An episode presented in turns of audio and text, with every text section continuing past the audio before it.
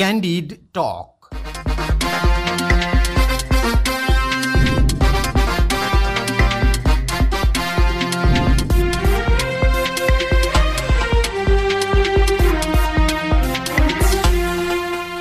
नमस्कार क्यान्डिड टकमा तपाईँलाई स्वागत छ म प्रस्तुता कमल राणा रेडियो क्यान्डिडको प्रस्तुति कार्यक्रम क्यान्डिड टक तपाईँले शनिबार बाहेक हरेक दिन बिहान साढे छ बजेबाट सात बजेसम्म आधा घण्टा सुन्दै आइरहनु भएको छ।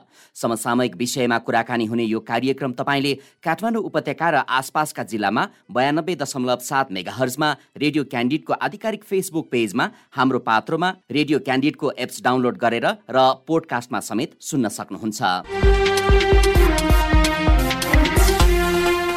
स्कटल्यान्डको ग्लास्गोमा आयोजित कोप ट्वेन्टी सिक्स सम्मेलनमा विश्वका नेताहरूले जलवायु परिवर्तनका कारण विश्वभर परिरहेको वातावरणीय प्रभावलाई कम गर्न कार्बन उत्सर्जनलाई घटाउन प्रतिबद्धता जनाएका छन्। सन् दुई हजार तिससम्ममा वन फडानीलाई रोक्न सबैले सहमति पनि जनाएका छन्। यो विश्व सम्मेलनका क्रममा नेपाल लगायत विभिन्न देशले कार्बन उत्सर्जनमा नेट जिरोको प्रतिबद्धता जनाए। विश्वका ठुला अर्थतन्त्र भएका विकसित देशका नेताहरूले पनि कार्बन उत्सर्जन न्यूनीकरणमा सबै मुलुकले प्रतिबद्धता जनाउनुलाई गेम चेन्जिङ कमिटमेन्टको रूपमा प्रतिक्रिया दिएका छन्। तर जलवायु परिवर्तनकै कारण विश्वमा बढी प्रभावित देशमध्ये नेपाल पनि एक हो। नेपालले अहिले भोगिरहेको समस्या र भविष्यमा थप पर्न सक्ने प्रभावका विषयमा सो सम्मेलनमा प्रधानमन्त्री शेरबहादुर देउवाले विश्वका नेताहरूलाई गम्भीर बन्न ध्यानाकर्षण समेत गराउनु भएको छ। उच्च हिमालको विशिष्ट जलवायु जोखिम पहिचान गर्न र जलवायु सम्बन्धी सबै वार्तामा हिमाली क्षेत्रका एजेन्डालाई उच्च प्राथमिकतामा राख्न नेपालले विश्वका नेताहरूलाई आग्रह गरेको छ। विश्वको औसत तापक्रम वृद्धि एक दशमलव पाँच डिग्री सेल्सियस भन्दा कममा राख्नु हिमाली जनताका लागि अत्यावश्यक विषय हो।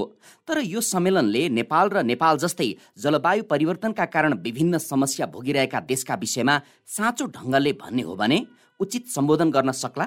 यो सम्मेलन जलवायु परिवर्तन न्यूनीकरणका लागि के कति फलदायी रहला? आजको क्यान्डी टकमा यिनै विषयमा केन्द्रित रहेर जलवायु विज्ञ एवं नेपाल पानी सदुपयोग फाउन्डेसनका अध्यक्ष डाक्टर नमेन्द्र दाहालसँग कुराकानी गर्दैछौँ। त्यसका लागि यति बेला उहाँ हाम्रो टेलिफोन सम्पर्कमा आउनु भएको छ। यहाँलाई कार्यक्रममा स्वागत छ। हस् धन्यवाद। अब यतिखेर स्कटल्यान्डको ग्लासगोमा जलवायु परिवर्तन सम्बन्धी कोप ट्वेन्टी सिक्स सम्मेलन भइरहेको छ र जलवायु परिवर्तनका कारण विभिन्न वातावरणीय प्रभाव भोगिरहेको नेपालका लागि ग्लासको सम्मेलन कतिको फलदायी रहन्छ भन्ने तपाईँलाई लाग्छ? सफलता अहिले सबैको चासोको विषय नै हो यो अहिले जुन प्रश्न सोधिरहनु भएको छ। तर अब त्यो सफलता चाहिँ धेरै आश गर्यो भने निराश हुन्छ होइन? सफलता चाहिँ अब किनभने वर्ष नै हुने सम्मेलन हो। कुनै कुनै वर्ष अलिक महत्त्वपूर्ण हुन्छ नि यस वर्ष पनि त्यस्तै छ। किन किन महत्त्वपूर्ण छ यो भने जस्तो दुई हजार सोह्रमा दुई हजार पन्ध्रमा चाहिँ यो पेरिस एग्रिमेन्ट भयो होइन? अनि त्यसपछि अब यसलाई लागू गर्ने भनेर दुई हजार बिसदेखि लागू हुने भनेको थियो। पेरिस एग्रिमेन्टलाई अलिक इफेक्टिभली ग्रिन हाउस ग्यास घटाउने त्योसँग रहेका वचनबद्धतालाई चाहिँ एकदमै फर्मल्ली लागु हुने भनेको थियो। अब यो कोभिडले गर्दा पोस्टपोन भएर त्यो डाइरेक्ट भेटघाट भएन परार भर्चुअल मात्र भयो गत साल। त्यसले गर्दाखेरि अनि यसपालि चाहिँ भौतिक रूपमा भेटेपछि त्यो पोहोरको सहितको एजेन्डालाई लिएर यो चाहिँ महत्त्वपूर्ण मानिन्छ।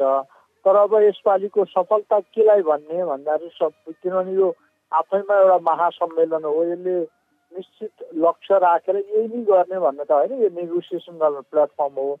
नेगोसिएसनको सफलता भनेको चाहिँ अब जलवायु परिवर्तनमा का दुईवटा पाटालाई एकदमै छिटोभन्दा छिटो सम्बोधन गर्नु छ। एउटा पाटो भने चाहिँ हरित गृह ग्यास न्यूनीकरण र त्यसलाई त शून्यमै झार्ने एउटा लक्ष्य छ होइन? त्यसलाई धेरै देशभन्दा धेरै देशले प्रतिबद्धता जनाउन्। भन्ने छ त्यो एउटा धेरैले अब प्रतिबद्धता झन् झन् पछाडि सारिरहेका छन् त्यो हाइड्रो ग्यास शून्यमा नजारेसम्म यो जलवायु परिवर्तनको महा यो सङ्कट चाहिँ टर्नेवाला छैन। अहिले जलवायु परिवर्तन त्यसैले गर्दा अहिले जलवायु परिवर्तन नभन्ने जलवायु सङ्कट जलवायु यो क्लाइमेट इमर्जेन्सी क्लाइमेट क्राइसिस भन्छन् क्या अहिले चाहिँ। त्यसले गर्दाखेरि क्लाइमेट चेन्जलाई क्लाइमेट इमर्जेन्सी क्लाइमेट क्राइसिसले रिप्लेस भइ गरिसक्यो भने मतलब सङ्कटै आइसक्यो क्या अब। यो मतलब परिवर्तन मात्र भएन बदल त्यसले गर्दाखेरि अब एउटा त हरित ग्यास न्यूनीकरण गर्नु पर्यो त्यो भनेको खनिज इन्धनलाई पुरै नवीकरणीय इन्धनमा बदल्नु पर्यो जुन कुरामा चाहिँ यो इको अर्थतन्त्रसँग जोडिया हुनाले विश्वमा धनी देशहरू जसमा आधारित भएर उनीहरू यहाँसम्म आइपुगे अब त्यसलाई बदलिहाल्न उनीहरू लगानी गर्न त्यो प्रतिबद्धता बनाउन ढिलो गरिरहेका छन् उनीहरूले नै। दोस्रो विकासोन्मुख देशहरू त झन् हामी जस्तो चिन भारत यिनीहरू त आफूलाई के भन्छन् भने हामी पछिल्लो विकास हुने हाम्रो जुन अधिकार हो त्यो त रोक्न पाइँदैन। हामी त अझै खनिज इन्धन खपत गर्छौँ। तिमीहरूले पो सयौँ वर्षदेखि गऱ्यौ र यहाँ पुग्यो हाम्रो त बाँकी नै छ भनेर यिनीहरूले आफ्नो प्रतिबद्धतालाई पछाडि सारेका छन्। त्यसले गर्दाखेरि अब ऐतिहासिक उत्सर्जन गर्ने हरितिर ग्यास उत्सर्जन गर्ने र अहिले अहिले गर्न पाउनुपर्छ भन्ने विकासको अधिकारको हिसाबले हेर्ने विकासोन्मुख देशहरू अल्प विकसित देशहरूको बिचको वार्ता हो यो होइन? अनि त्यसैले गर्दाखेरि एउटा हो एउटा धार यो न्यूनीकरण गर्नेमा जलवायु परिवर्तन न्यूनीकरण गर्नेमा भनेको त्यो हो। दोस्रो धार भनेको चाहिँ अब जलवायु अनुकूलन हुने हो होइन? एउटा क्लाइमेट चेन्ज एडप्टेसन भन्छ त्यो चाहिँ अब ज जसले जे भने पनि वायुमण्डलको तापक्रम वृद्धि भइसक्यो। अब त्यसले तस नस पार्न थालेको दशकौँ हुन थालिसक्यो। अब यो यो चाहिँ हामी सामान्य परिवर्तन भन्दा पनि असामान्य परिवर्तनमा गइसक्यौँ। अब त्यो फर्केर फेरि सामान्यमा फर्किने लक्षण कहीँ पनि छैन अब। वैज्ञानिकहरूले के भनेका छन् भने यो सुरुवात मात्र हो। हामी अब नफर्किने र अब एकदमै असजिलो अलिकति डरलाग्दो बाटोमा विश्व गइसकेका छ। मानव सभ्यतालाई यसले निकै नै ठुलो धक्का दिन्छ। अब को त्यसपछि को बाँच्छ को रहन्छ को रहँदैन।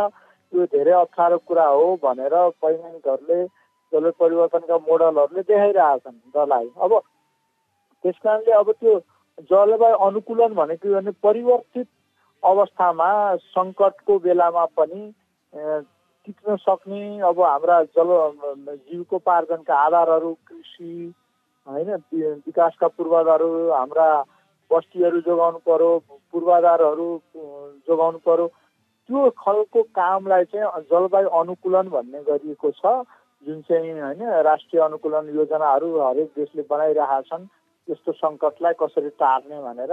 हो यो दुई दुईवटा धारबाट काम गर्ने हो। अब राष्ट्रिय अनुकूलन कार्यक्रमलाई बजेट चाहियो किनभने हाम्रो कुनै पनि देशको आन्तरिक बजेटले मात्र त्यो नयाँ थपिएको खर्च जोड्न सक्दैन सामान्य खर्च जोड्न सक्दैन झन् नयाँ थपिएको कसरी गर्न सक्छ होइन? नेपाल पनि त्यही हो समस्या अल्प विकसित देश हो।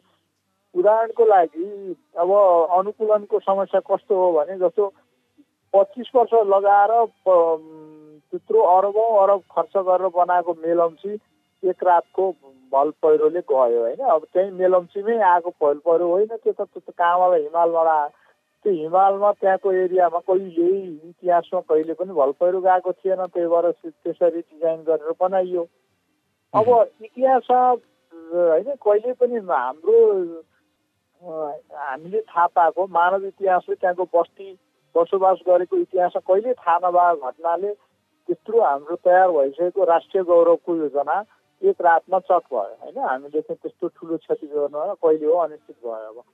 अब यस्तो खालको परिवर्तन चाहिँ जलवायु परिवर्तनको एउटा एकदमै दृष्टान्त हो। अब यो दृष्टान्त तपाईँले प्रस्तुत गरिरहँदाखेरि जलवायु परिवर्तन भन्दा पनि जलवायु सङ्कट नै आइसकेको जुन तपाईँले अघि भन्नुभयो। अब विश्वको तापमान एक दशमलव पाँच डिग्री सेल्सियस भन्दा कम राख्नुपर्ने कार्बन उत्सर्जनलाई न्यूनीकरण गर्ने विषयमा ठुला अर्थतन्त्र भएका देशहरूले जनाएको प्रतिबद्धता एउटा छ। तर यो कार्यान्वयनमा ती ठुला अर्थतन्त्र भएका धनी देशहरूले कार्यान्वयन गर्न जुन किसिमको इच्छा शक्ति देखाइरहेका छैनन् यसको पछाडि के हुन सक्छ? होइन यो त प्रश्न छ त। यो के मैले अलिकति सङ्केत अघि पनि गरेँ। अब पेरिस एग्रिमेन्टले एक सक्छौँ भने दशमलव पाँचमा रोकौँ नसके दुईभित्र रोकौँ भनेको छ तापक्रम एक एक ताप एक डिग्री तापक्रम त वृद्धि भइसक्यो। होइन हुन त मान्छेलाई सरसारणलाई अब लाई यो एक डिग्री दुई डिग्री भने के नि हो र अब बिहान पाँच डिग्री हुन्छ दिउँसो पच्चिस डिग्री हुन्छ त्यस्तो ताप त हामीले बिहोरिरहेको छौँ भने दुई वर्ष के हुन्छ भन्ने लाग्न सक्छ। यसलाई पनि पहिला प्रश्न पारौँ यो तापक्रमको वृद्धि भनेको के हो भनेर। जस्तो तपाईँ हामीलाई जो मौसममा बिहानदेखि बेलुकासम्म बेलुकादेखि बिहानसम्म तापक्रम बदलिरहन्छ त्यो ठुलो रेन्जमा है बिस पच्चिस डिग्री तापक्रम बदलिनु ठुलो कुरो होइन दिनमा होइन? तर यो अहिले हामी जुन ताप पृथ्वीको औसत तापक्रम भने पृथ्वीको बाहिरको सतहको तापक्रम औसतमा पन्ध्र डिग्री सेल्सियस हो होइन? र त्यो पन्ध्र डिग्री सेल्सियस भनेको चाहिँ के हो भने जसरी हाम्रो शरीरको भित्री हाम्रो शरीरको तापक्रम हुन्छ सैँतिस दशमलव छ डिग्री अथवा अन्ठानब्बे डिग्री होइन? फरेनहाइट हुन्छ सैँतिस दशमलव छ डिग्री सेल्सियस हुन्छ हाम्रो शरीरको तापक्रम। तर अब त्यसमा एक डिग्री मात्रै बढ्यो भनेदेखि हामीलाई शरीरले काम गर्न छोड्छ धेरै कमजोर भइसक्छ होइन? दुई डिग्री बढ्यो भने त हामी चाहिँ फलानी पर्छौँ होइन? त्यसले हाम्रो दैनिकी प्रभावित भइहाल्छ। हामी के गरिरहेका छौँ त्यो चाहिँ हामी गर्न सक्दैनौँ। हो पृथ्वीको अहिले सञ्चालन भइरहेको सम्पूर्ण यो जुन प्रक्रिया छ होइन मौसम हावापानीको जुन प्रक्रिया छ यो यावत चिजहरू त्यही पृथ्वीको औसत तापक्रम पन्ध्र डिग्री हुँदा भएको चिज हो यो होइन यो मतलब चलेको। अब पन्ध्रबाट सोह्र एक डिग्री त बढी नै सक्यो अब एक डिग्री बढ्दाखेरि यति ठुला परिवर्तन भइसकेका छन् कि ती सबै रेकर्डमा बाहिर आएको छैनन्। वैज्ञानिकहरूले अलिअलि थाहा पाइसकेका छन्। जुन कुरा चाहिँ सार्वजनिक संसारहरूमा अलिक पछि आउलान् अहिले आइसकेका छैनन्। त्यति डर लाग्दा परिवर्तन एक डिग्रीले नै ल्याइसकेका छ। भनेपछि अब एक दशमलव पाँच दुई डिग्री भनेर त कता हो कता हो? त्यो त्यो हामी कल्पनै भन्दा पर छ। तर अहिलेको जुन हरिद्र ग्यास उत्सर्जनले जुन तापक्रम वृद्धि गरिरहेछ त्यो रोक्ने रोकिने लक्षण छैन। हरिद्र ग्यास पनि अब पहिलेदेखि घटाउने भने सन् दुई हजार बिसमा अहिलेसम्मको रेकर्डसम्म धेरै उत्सर्जन भयो। र उत्सर्जन घटाउने भनेर कुरा गर्न थालेको एकदमै कडाइ साफ कुरा गर्न थालेको बिस पच्चिस वर्ष भइसक्यो। तर हरेक नयाँ वर्षमा कार्बन उत्सर्जन झन्झन बढेकै छ वृद्धि दरै बढी छ। रोकिने त छडा कहाँ हामी घटाउने कुरा गर्न आश गर्न खोजिरहेछौँ। त्यसैले गर्दाखेरि हामीलाई धेरै आश गर्ने ठाउँ छैन। अब धनी देशहरूले तपाईँको प्रश्नमा आउँ अब यति पृष्ठभूमिपछि धनी देशहरूले किन गर्दैनन् भने यो सोझै अर्थतन्त्रसँग जोडिएको हो। यो अहिले अब उनीहरूले आफ्नो जसले तपाईँले कार किन्नु भएको छ होइन? अब धनी देशहरूमा त्यही हो व्यक्तिगत व्यक्तिवादी संस्कृति पुँजीवादी संस्कृति जुन बनाइया छ त्यसमा चाहिँ असाध्यै कर्पोरेटहरू छन् ठुल्ठुला कम्पनीहरू क्यास बुझाउने कम्पनीहरूले अब ठुल्ठुलाहरूले यो त्यहाँको सरकारहरूलाई नियन्त्रित गर्छन् तिनीहरूको लबी एकदम कडा छ। र त्यो सरकारले ती कम्पनीको जुन कम्पनी चाहिँ तपाईँ खनिज इन्धनमा आधारित स्रोतबाट कम्पनी धनी भएर नाफा गरिरहेका छन् त्यो उनीहरू कम्पनीले छोड्दैन। कम्पनीले नछोडेपछि सरकारलाई कम्पनीले जता हिँडाए त्यतै जान्छन्। त्यसले गर्दाखेरि सरकारले चाहेको डिरेक्सनतिर जाँदैन। त्यही कम्पनीले बनाएका सरकारहरू धेरै हुन्छन् कि। यो मल्टिनेसनल कम्पनी भनेर त्यस्तै हो नि त्यसैले गर्दाखेरि उनीहरूले धनी देशहरू त्यसको विरुद्धमा जान्छ र त्यस कारण यसलाई चाहिँ अहिले भनेको चाहिँ पब्लिक प्रेसरहरू पब्लिक चाहिँ फेरि धनी गरिब सबै देशको परिवर्तन छिटो रोकियोस् भन्ने नै चाहन्छन्। तर पब्लिकको आवाज सङ्गठित अवस्थामा दिने राजनीतिक दलहरू हुन् राजनीतिक दलभित्रै पनि यो कम् यो धेरै होइन पुँजीवादी कम्पनीहरू जसले नाफा कमाएर गरिरहेछन् अब त्यसैबाट प्रभावित छन्। त्यसले गर्दाखेरि यो चाहिँ धनी देशहरूले सरकारले नियन्त्रण निर्णय नगर्ने उनीहरूको नाफा घटाउन नचाहने सरकारबाट पाइदेला भने डराउने। अमेरिकामै ओबामाले पेरिस एग्रिमेन्ट साइन गरेको थियो। आएकै दिन डोनाल्ड ट्रम्पले फेरि खारेज गरिदियो उसले चार वर्ष त्यसको उल्टो काम गर्यो अब फेरि अर्कोले आएर ल म हामी फेरि त्यसमा अनबोर्ड हुन्छौँ भनेर फेरि त्यो सामेल भयो अमेरिका यो नयाँ राष्ट्रपति आएपछि। त्यसैले यो यो प्रक्रिया हुन्छ राजनीतिको एकदम ठुलो उथल पुथलको विषय हो उनीहरूको भित्र पनि। तर उनीहरू जे होस् तर साम पृथ्वीमा चाहिँ हरेक दिन उनीहरूको लडाइँ झगडा आफ्नो ठाउँमा छ होइन आन्तरिक।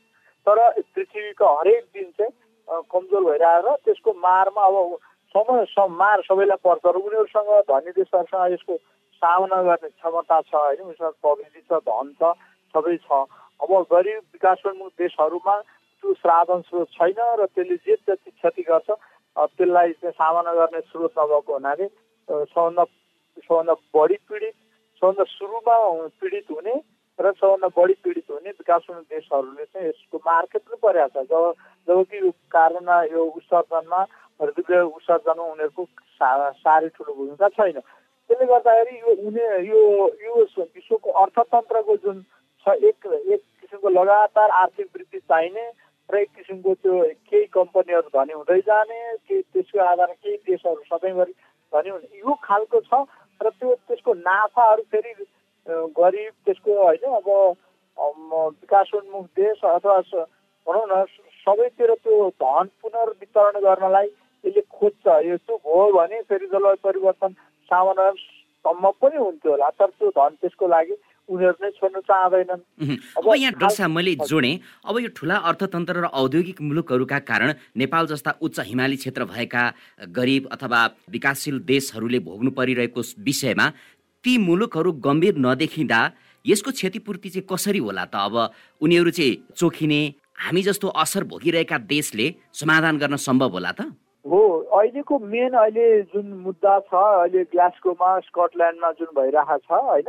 ए मुद्दै यही हो होइन अब जस्तो छिटोभन्दा छिटो न्यूनीकरण गर्नलाई सबैले प्रतिबद्धता जनाउन् त्यो प्रतिबद्धता जनाएअनुसारको चाहिँ व्यवहारमा त्यसलाई रूपान्तरण पनि गरून् त्यो रूपान्तरण गर्ने बुझिने देखिने गरी गरून् होइन मुखले मात्र नगरून् भनेर यही कुरालाई यो नागरिक समाज मिडिया लगायतकोले संसारभरि दबाब चाहिँ त्यही बढाइरहेका छन् त्यही भएर धेरै धनी देशहरूले यो यो एजेन्डाबाट डाइभर्ट गर्नलाई उनीहरूले अनेक उपायहरू पनि गरिरहेको छ। सङ्गठित रूपले पनि काम गरिरहेको छ। जस्तो योभन्दा अगाडि केही अघिल्लो हप्ता मात्रै त्यो जी ट्वेन्टीको मिटिङ गर्यो होइन पेरिसतिर। अब उनीहरूको त्यो त्यसैले यसलाई डाइभर्ट गर्नलाई उनीहरूले यो यसको अगाडि मेन मेन एजेन्डा डिसिजन उता गर्ने र यतापट्टि चाहिँ आएर यसो भर्बल कमिटमेन्ट जस्तो गरिदिने हामी पनि साथ छौँ भन्ने तर यसमा चाहिँ डर हो।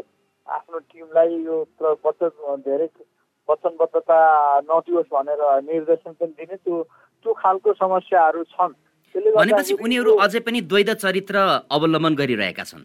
एकदमै एकदमै त्यो स्पष्टै छ। त्यस कारणले दबाब छ त्यसलाई टाल्न खोजिरहेछन् तर यो दबाब बढाउँदै जानुपर्छ किनभने कुनै पनि देशमा यो लबीहरू पछाडिको जुन हुन्छ यो एडभोकेसी लबीहरू जसले जित्छ त्यसैको पक्षमा निर्णय हुने सम्भावना हुने हुनाले त्यसको लबी चाहिँ अहिले विश्वव्यापी बढाइरहेको छ। अहिले हुँदा हुँदा अब अहिले होइन युवा वर्गहरूले अगाडि आएर यसलाई चाहिँ तिमीहरूले चाहिँ हाम्रो भविष्य डुबायो भनेर एकदमै नयाँ अभियान आइरह आइरहेका छन् अब त्यसको अर्थमा यसले केही न केही त अब निर्णय त गर्छ तर जुन हामीलाई जुन जुन स्तरको निर्णय र जुन जुन उच्च महत्त्वकाङ्क्षी निर्णयहरू गर्नुपर्ने हो।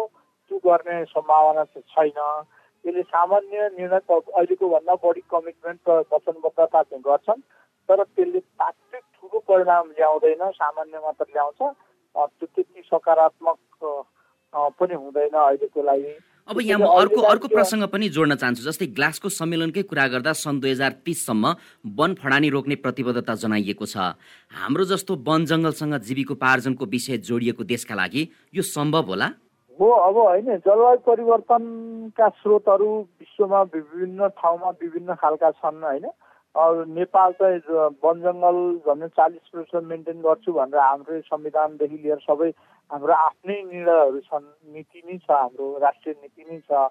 त्यसले गर्दाखेरि अन्तर्राष्ट्रिय स्तरमा त्यो सन्देश भन्नलाई धेरै ठुलो कुरो भएन होइन?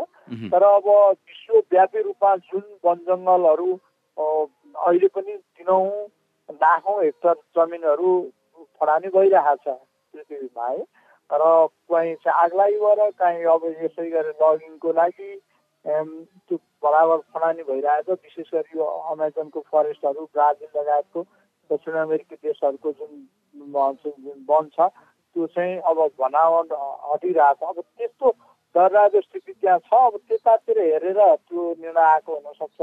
नेपाल जस्तो देशको लागि त त्यसले अब सकारात्मक नेपालले पनि दुई हजार पैँतालिससम्ममा चाहिँ यसले हामी चाहिँ कार्बन न्युट्रल हुन्छ अथवा शून्यमा झार्छौँ भनेर भनेकै छ होइन? तर त्यो एकदम ठुलो महत्त्वकाङ्क्षी निर्णय हो। तर अब त्यसमा चाहिँ चाहिँ नेपालले त्यो निस्वार्थ चाहिँ होइन फेरि। हाम्रो आन्तरिक स्रोतले मात्र त्यो उद्देश्य हासिल हुन सक्दैन। त्यो हामीलाई बाहिर स्रोत चाहिन्छ त्यसको लागि हामीलाई आर्थिक प्राविधिक सहयोग उपलब्ध गराऊ भन्ने नेपालको एउटा खालको शर्त त्यहाँनिर छ। अब त्यो चिज आर्थिक प्राविधिक हो भने नेपाललाई चाहिँ गाह्रो छ जस्तै भुटानको जनसङ्ख्या थोरै छ होइन? अब त्यो वन क्षेत्रहरू धेरै छ त्यसले गर्दा ऊ अहिले नै कार्बन शून्य अवस्थामा छ कार्बन नेगेटिभ पनि छ अझ। तर नेपाल अहिले अहिले पनि उत्सर्जन बढिरहेको छ नेपालमा विशेष गरी यातायात कृषि हाम्रा औद्योगिकहरू छन्। तर अब हाम्रो सकारात्मक के भने जलविद्युत हाम्रो मेन ऊर्जाको स्रोत हो होइन? औद्योगिकरणको लागि। तर त्यो त्यो र अब त्यो जोडिनलाई चाहिँ अब त्यो पूर्वाधारहरू निर्माण गर्नु छ हाम्रो जलविद्युतहरू निर्माण गर्नु छ प्रसारण लाइन बनाउनु छ। त्यसै गरी त्यो अनुसारका सबै पूर्वाधारहरूको रूपान्तरण गर्नुपर्छ जस्तो यातायातहरू अहिले पनि हाम्रो खनिज इन्धनमा आधारित छन् सडकमा आधारित। त्यसलाई चाहिँ उसमा विद्युतीय सवारीहरूमा बदल्नलाई हामीलाई ठुलो लगानी चाहिएको छ। हो यस्तो खालका लगानीहरू चाहिँ अन्तर्राष्ट्रिय क्षेत्रबाट प्रविधि होइन आर्थिक प्राविधिक सहयोगहरू प्राप्त हुन सक्यो भने नेपालले सजिलोसँग आफ्नो उद्देश्य हासिल गर्छ। तर नेपाल पहिल्यैदेखि नै कम उत्सर्जन गर्ने हो तर अब त्यसले चाँडै नै न्युट्रल पनि गर्न सक्छ होइन? मतलब एक किसिमको शून्यमा झार्न सक्छ कार्बन उत्सर्जन अरू त्यो हाम्रो अनुकूलनको एउटा बाटो पनि हुन्थ्यो। अब तर तर नेपालले आफ्नो हिसाबमा त झार्ला।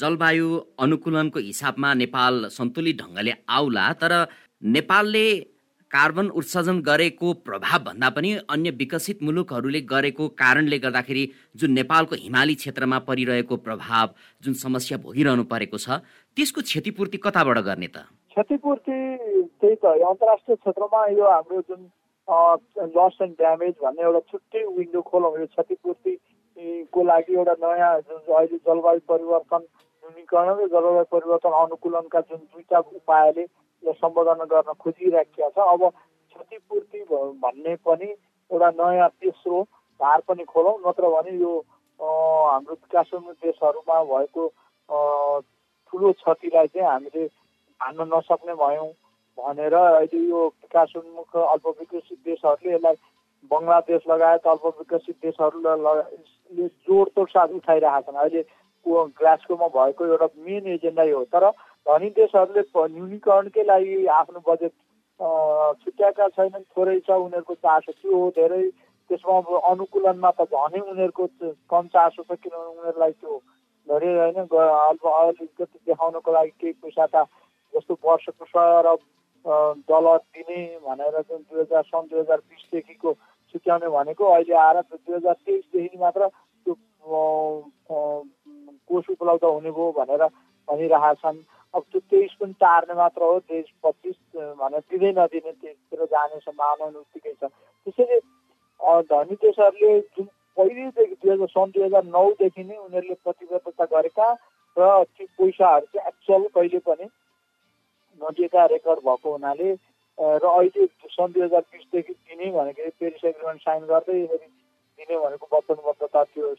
पन्ध्रमा गरेको चिज बिसदेखि लागू गर्ने भनेको थियो अब बिसको होइन तेइसदेखि भनेर धर्केले त्यसले। गर्दाखेरि यो यो आर्थिक क्षतिपूर्ति गराउने कुराहरू कति झन्झन पेचिलो हुँदैछ किन अर्थतन्त्र अर्थतन्त्र राजनीतिक हुँदै गएको छ। त्यसैले धनी देशहरू पहिला चाहिँ एक्ला एक्लै थियो अब सङ्गठित रूपबाटै यो यो जुन खाल जलवायु परिवर्तनमा को जुन महासम्मेलन छ त्यो हो त्यो एजेन्डालाई नै अब विभिन्न न्युमा यसलाई चाहिँ कमजोर बनाउने अथवा यसबाट ध्यान अन्यत्र मोड्ने तरिकाका खेलहरू भइरहेका छन् त्यो सम्भावना यसपालि पनि देखि देखिँदैछ। त्यसले गर्दाखेरि क्षतिपूर्ति को जुन नयाँ तेस्रो धार सुरु गराउने दबाब त बढ्दैछ तर त्यसले मूर्त रूप लिएला जस्तो मलाई लाग्दैन। जलवायु परिवर्तनका लागि अन्तर्राष्ट्रिय जगतमा नेपालको प्रतिबद्धता र नेपालले राखेको माग प्रस्तुति कतिको बलियो छ भन्ने लाग्छ तपाईँलाई? त्यो भनेको अब माग हामीले यसपालि प्रधानमन्त्रीले आफै उपस्थित भएर जुन भनाइ त्यहाँ राख्नुभयो जुन सम्बोधन गर्नुभएको छ त्यो असाध्यै सन्तुलित र असाध्यै प्रष्ट एकदमै सबैलाई सबैको ध्यान खिच्न योग्य छ त्यो अब हामीले जहाँ गए पनि तपाईँहरूले पहाडमा भइरहेको हिमालमा भइरहेको यो उसलाई नबिर्सिदिनु होला यो चाहिँ जुनसुकै नेगोसिएसनमा पनि हामी पहिलो भित्तिमा जसले उत्सर्जन गरेका छैन त्यही नै बढी हामी पीडित छौँ। यो एजेन्डालाई चाहिँ सम्बोधन गरिदिनु पर्यो भनेर मार्मिक तरिकाले एउटा सन्तुलित भाषण गरेर सबैको ध्यान आकर्षण गर्नुभएको छ। र यो कुरालाई चाहिँ अहिले जलवायु परिवर्तन आयोजकको अध्यक्षले पनि अस्ति नै नेपाल पनि आउनु भएको थियो आलोक शर्मा उहाँले मुस्ताङ लगायतकोमा भिजिट गरेर जानुभयो अनि त्यहाँ उद्घाटनको सत्रमा उहाँले यो कुरा भन्नुभएको छ मुस्ताङमा मैले हेर्दाखेरि यहाँ त्यसको समस्या देखेँ भनेर उहाँ आफैले पनि बोल्नु भएको छ भन्नलाई यो आवाज उठाउने ठाउँ हो आवाज उठेको छ तर अब आवाज उठेर सुन्नेले सुन्ने र यो कुनै सिस्टम नीतिबाट आउने परिवर्तन भएको हुनाले तत्काल आज आवाज उठ्ने भोलि नै नीति परिवर्तन हुने र त्यसको फाइदा पछि नै भइहाल्ने स्थिति चाहिँ अब नहोला तर जस नेपालले आफूले गर्न सक्ने आवाज निकाल्ने सबैसँग नेटवर्क गर्ने काममा चाहिँ यसपालि अलिक बढी नै जोड दिएको देखिन्छ र त्यो त्यसले राम्रो सकारात्मक प्रभाव पार्छ जस्तो मलाई लाग्छ। अब नेपालले आफैले पनि गर्नुपर्ने नीतिगत तथा रणनीतिक योजना के के हुन सक्छन्? परिवर्तन अनुकूलन योजना जलवायु परिवर्तन न्यूनीकरण योजना न्यूनीकरण भनेको एनडिसी नेसनल डिटरमाइन कन्ट्रिब्युसन भनेर एउटा बुझाउनै पर्ने डकुमेन्ट नेपालले बनाएर बुझाइसकेको छ। त्यसैमा भनेको छ कि दुई हजार सन् दुई हजार पैँतालिससम्ममा तिससम्म धेरै घटाउने पचाससम्म नेपाल कार्बन न्युट्रल कन्ट्री हुन्छ भनेकै छ। अझ अहिले पछिल्लो यो लङ टर्म एकदम दीर्घकालीन योजनामा त पचास होइन पैँतालिसमै त्यो कुरा हासिल गर्ने टाइपको योजना चाहिँ नेपालले घटाएको छ योजना बनाएको छ लागु गरेका छ र त्यो हाम्रो यो राष्ट्रसङ्घीय जुन जलवायु परिवर्तन महासचिवालयमा बुझाउनु पर्ने जुन हाम्रो डकुमेन्ट कम्युनिकेसन रिपोर्ट छन् त्यसमा पनि त्यो कुरा बुझाइसकेको छ।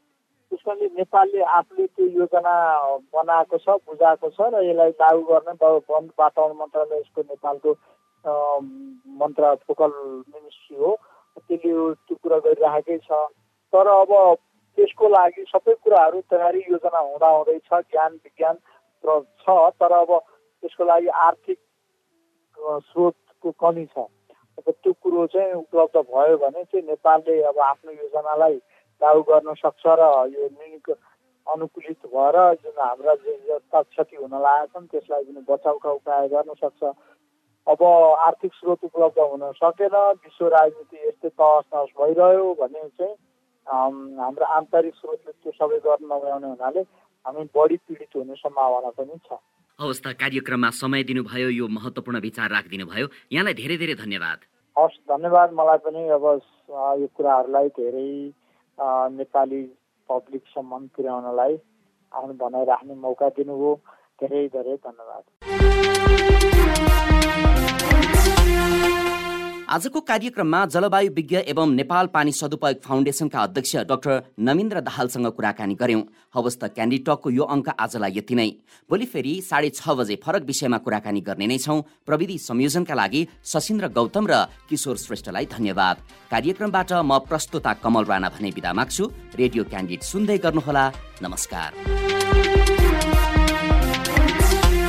Candid talk